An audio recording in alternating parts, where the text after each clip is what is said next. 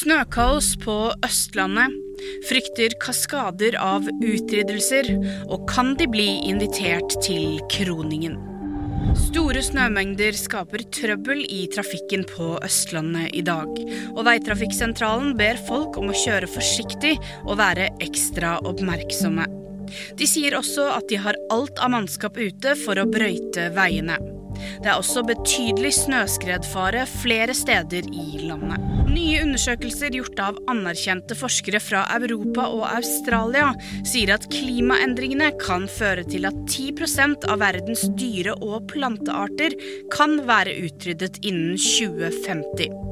De sier også at de frykter kaskader av utryddelser.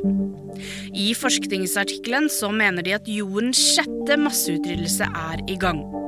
Den femte fant sted for 66 millioner år siden, da dinosaurene forsvant.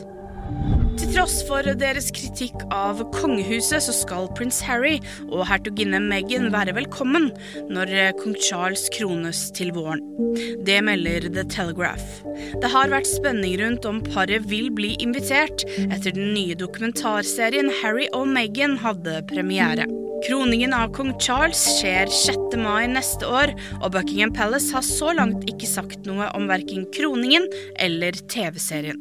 VG-nyhetene de fikk du av meg, Ida Aaberg Evensen.